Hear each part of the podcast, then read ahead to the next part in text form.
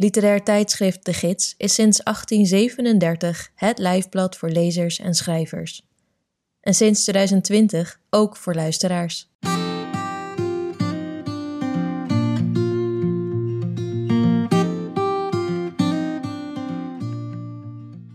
Je luistert naar Sprekende Letteren, een podcast waarin auteurs hun verhaal, essay of poëzie uit de gids voordragen. Maar we willen ook weten hoe klinkt literatuur die speciaal en alleen voor het oor is gemaakt. Deze podcastaflevering is het derde audiowerk dat een antwoord geeft op die vraag. Het nieuwe nummer van de gids is een samenwerking met de tentoonstelling Voices of Fashion in Centraal Museum Utrecht en gaat over meerstemmigheid in de mode. Kimiko Goodings maakte daarbij de podcast De Japanse School. Met dit autobiografische verhaal werpt ze een nieuw licht op het inmiddels veel besproken onderwerp culturele toe-eigening. Luister mee naar De Japanse School van Kimiko Goodings. Must I still remind you while you're curled up in my bed? Beside you, they're hungry but all dead. Als iemand aan mij vraagt waar ik vandaan kom, zeg ik spreeuwenvoer. Een spreeuw is een omnivoor en eet zo goed als alles, zowel planten als andere dieren. Ik besta ook uit van alles en nog wat. In Suriname noemen ze onze soort moximiti, gemengd vlees. Ik ben geboren in Haarlem in 1990. Mijn ouders zijn eerste generatie Surinamers, beiden afstammelingen van de Creolen met hier en daar Engels, Portugees en Chinees bloed. Begin de jaren 70 kwamen ze naar Nederland om te studeren. Thuis was de voertaal Nederlands, en als er iets ter sprake kwam wat niet voor de oren van mij of mijn broer bestemd was, spraken onze ouders Sranang oftewel Surinaams.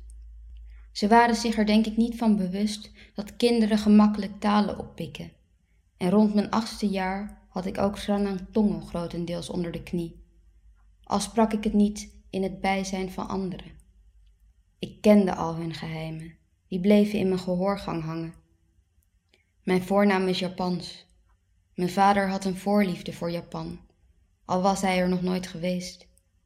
Hij verzamelde Japanse prenten en at graag eten dat op een teppen, een Japanse ijzeren plaat, bereid was.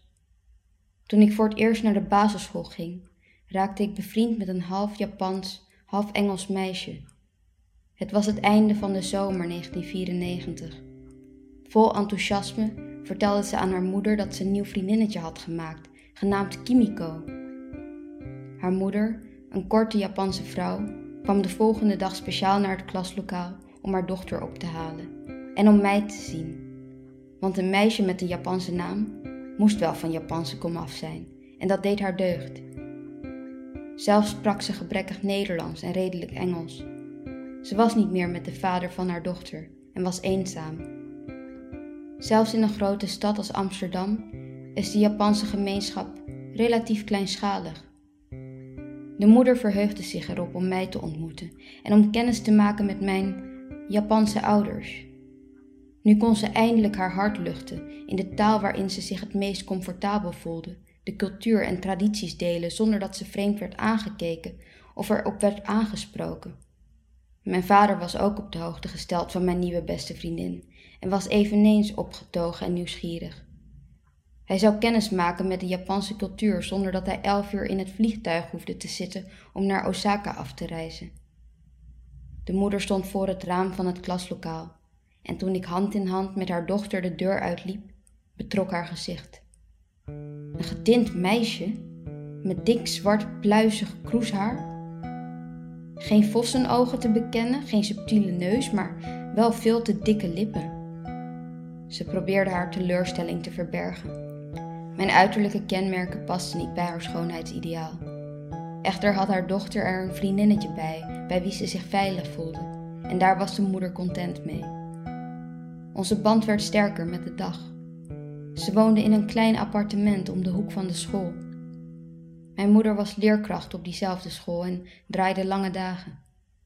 Zodoende kwam ik regelmatig bij het meisje over de vloer na schooltijd, als mijn moeder nog bezig was met het nakijken van rekensommen. Ik leerde miso-soep eten, sushi maken en had al snel geaccepteerd dat ik bij hen thuis Kimiko-san heette. Vanuit de keuken riep haar moeder Taberu als het avondmaal klaar stond. Itadakimasu om elkaar smakelijk eten toe te wensen en Nani als er iets aan de hand was.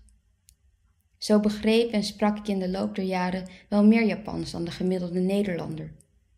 Thuis leerde ik mijn vader met eetstokjes eten en zodra ik een nieuwe zin in het Japans kon zeggen, moedigde mijn vader mij aan om dit in het bijzijn van elk gezelschap te herhalen.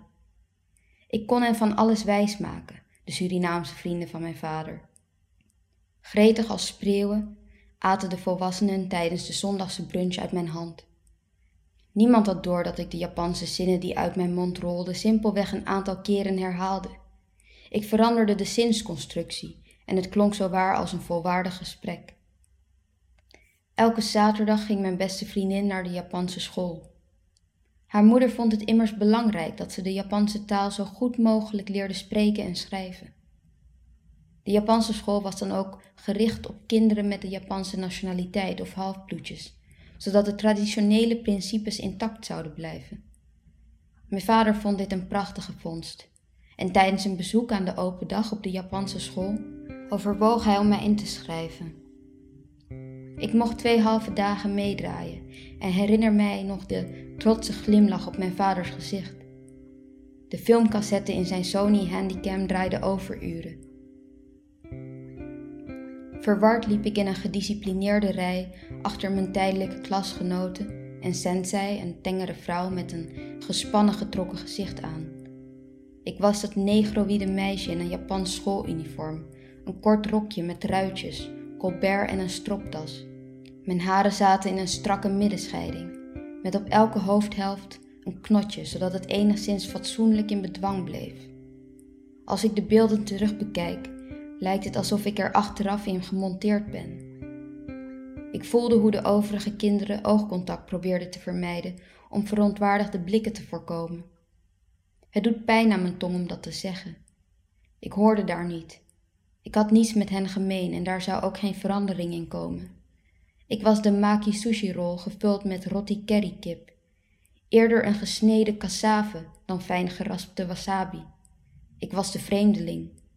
Een transcultureel fenomeen waarbij de elementen van meer dan één cultuur gecombineerd zijn.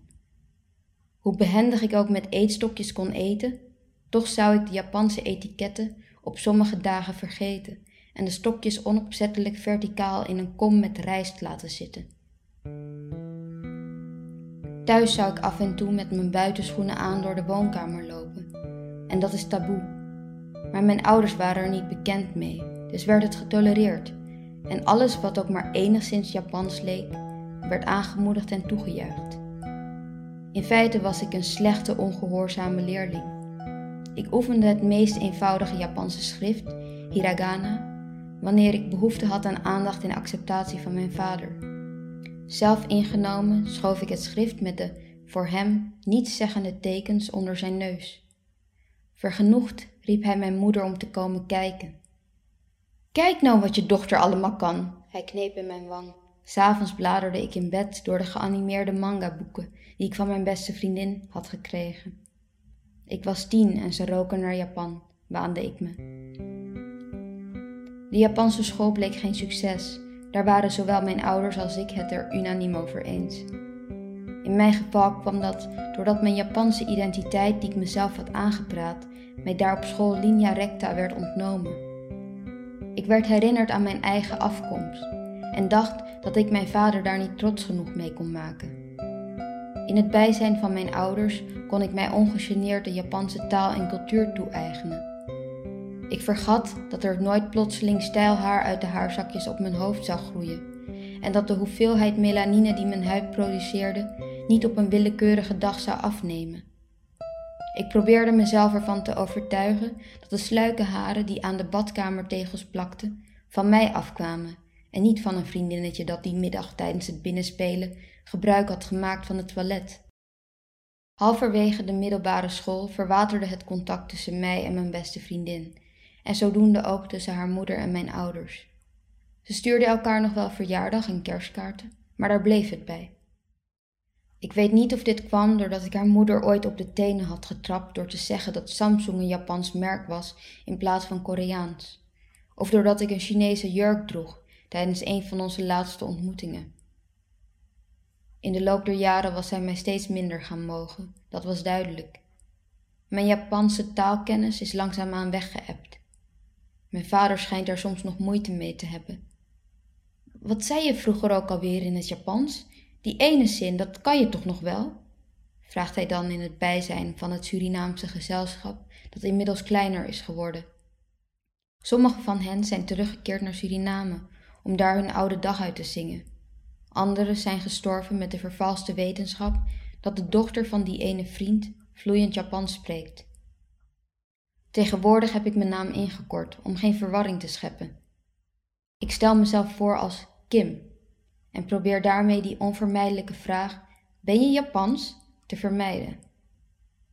Het doet mij terugdenken aan een periode in mijn leven waarin ik mezelf verlogende en de cultuur van een ander aannam.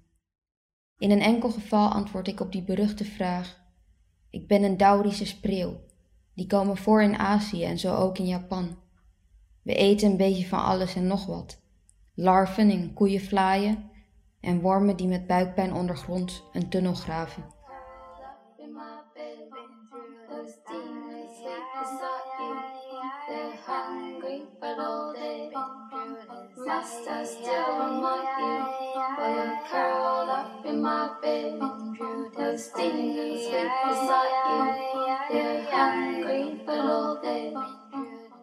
Je hoorde De Japanse School, een werk van Kimiko Goodings.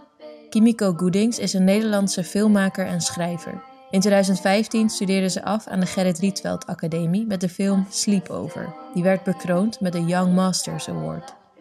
Haar tweede film, Dull Man, kwam in 2016 uit. Momenteel werkt ze aan haar debuutroman.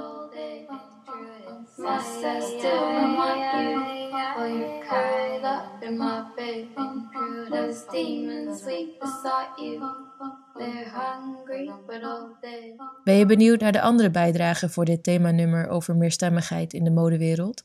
Ga dan naar onze website www.de-gids.nl.